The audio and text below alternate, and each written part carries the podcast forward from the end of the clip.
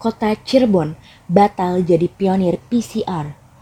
Pemerintah Kota Cirebon urung menjadi pionir pengadaan polymer chain reaction atau PCR sebagai perangkat tes coronavirus disease COVID-19. Perangkat dengan akurasi tinggi itu batal dibeli. Belum jelas alasan batalnya pemerintah daerah membeli alat dengan cara pengambilan spesimen lendir menggunakan swab di hidung dan tenggorokan tersebut.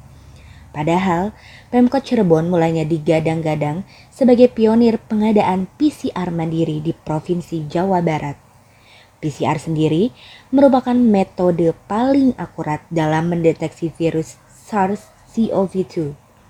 Rencananya, Pemkot akan mengandalkan unit PCR dari Rumah Sakit Pelabuhan dan Rumah Sakit Gunung Jati yang hingga kini juga belum diketahui kapan akan datang.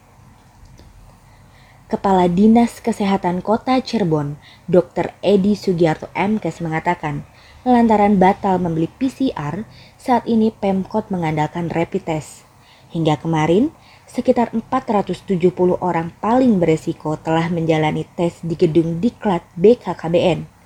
Dari tes tersebut, terdapat tujuh orang reaktif rapid test rapid test memang memiliki akuransi rendah untuk mendeteksi infeksi virus SARS-CoV-2 yang menyebabkan COVID-19.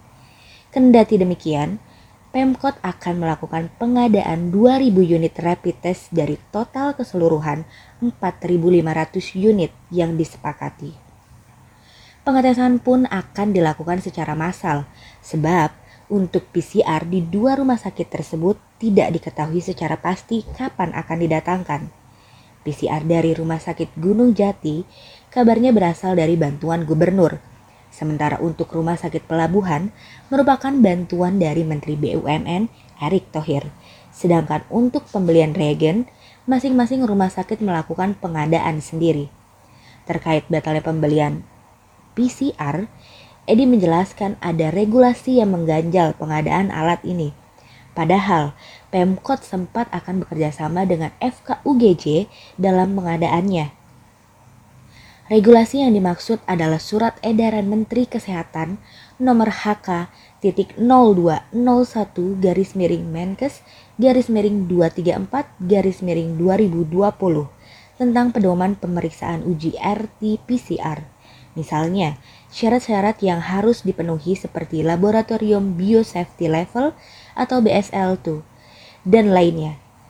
Tetapi dengan perkembangan yang ada, diharapkan syarat-syarat itu dapat dipenuhi. Edi berharap bulan depan syarat-syarat tersebut bisa dipenuhi.